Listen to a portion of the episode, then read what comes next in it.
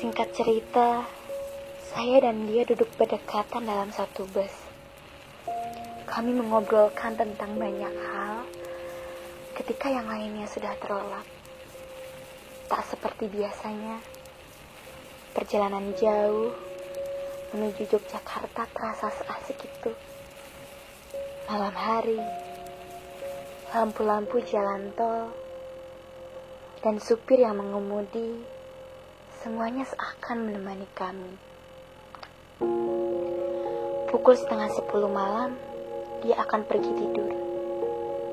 Gesturnya seolah mengatakan bahwa dia kedinginan saat itu.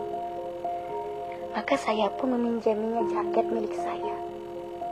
Dia tersenyum, lalu memejamkan matanya. Awalnya saya tidak menyangka bahwa itu benar-benar perjalanan yang membawa kami menuju perpisahan.